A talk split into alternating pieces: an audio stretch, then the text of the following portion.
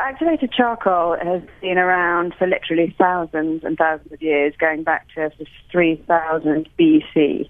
So we're thinking for the ancient Egyptians, Phoenicians, um, before that, but they used to char their barrels because of activated charcoal's antibacterial properties. Um, and so we're talking a very, very old product, but it has now become so widely used just because it is an extraordinary natural product. It's the only solution out there for lots and lots of problems that doesn't use any plastic at all and that is scientifically proven. So activated charcoal can be made out of many different materials. So, for example, Kurabo, which is our 100% natural water filter, is made out of wood, so it's hardwood charcoal. But you can also have bamboo activated charcoal, and you can also have coconut activated charcoal. Camilla en haar man Darren het navorsing in die Verenigde Koninkryk gedoen en tot die gevolgtrekking gekom dat daar 'n baie goedkoper, ekovriendelike en gerieflike manier is om water te suiwer. Nadat hulle Suid-Afrika toe getrek het, het hulle besef die geaktiveerde houtskoolproduk kan gebruik word om landelike gebiede se water te verbeter. Camilla verduidelik hoe die proses werk. Kurabo uh, is for water filtration. The municipalities have activated charcoal in the water filtration systems naturally. So, if you think about in your kitchen, for example, you could use activated charcoal as a water filter.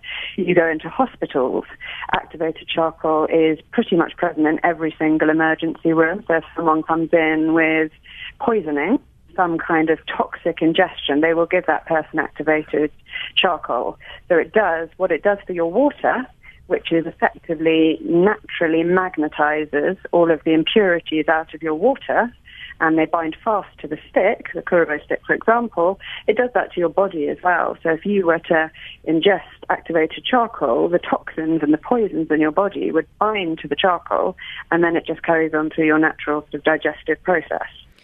Camilla verduidelik dat die houtskoolstokkie in die water geplaas word. Maar wat is die verhouding tussen die houtskoolstokkies, met ander woorde die geaktiveerde houtskool en die hoeveelheid water? So one stick for 3 liters. Very very simple. So if your water is 6 liters, you put two sticks in. And then what you would do is you would use that stick every single day for 3 months. So provide 3 months of daily water every single day and in a, an environmentally friendly way.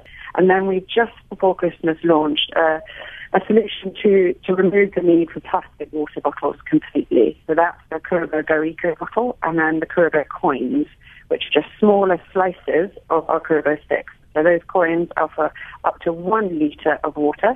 So when you're on the go, you just fill up your bottle and then you just wait a short period and then the activated charcoal will filter the water.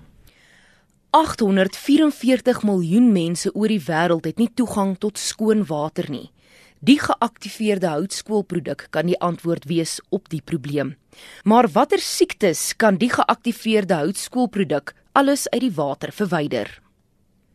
What we've done specifically is we've tested the efficacy of Kurabo at a water treatment laboratory, AL Abbott, which is in Cape Town.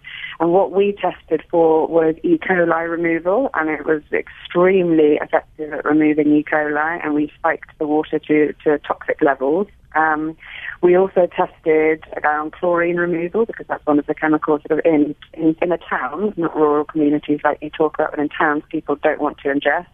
We also tested on very high levels of mercury, lead, cadmium, um, copper, iron, and all of those that you might find very high levels on in borehole water, for example, which some people use.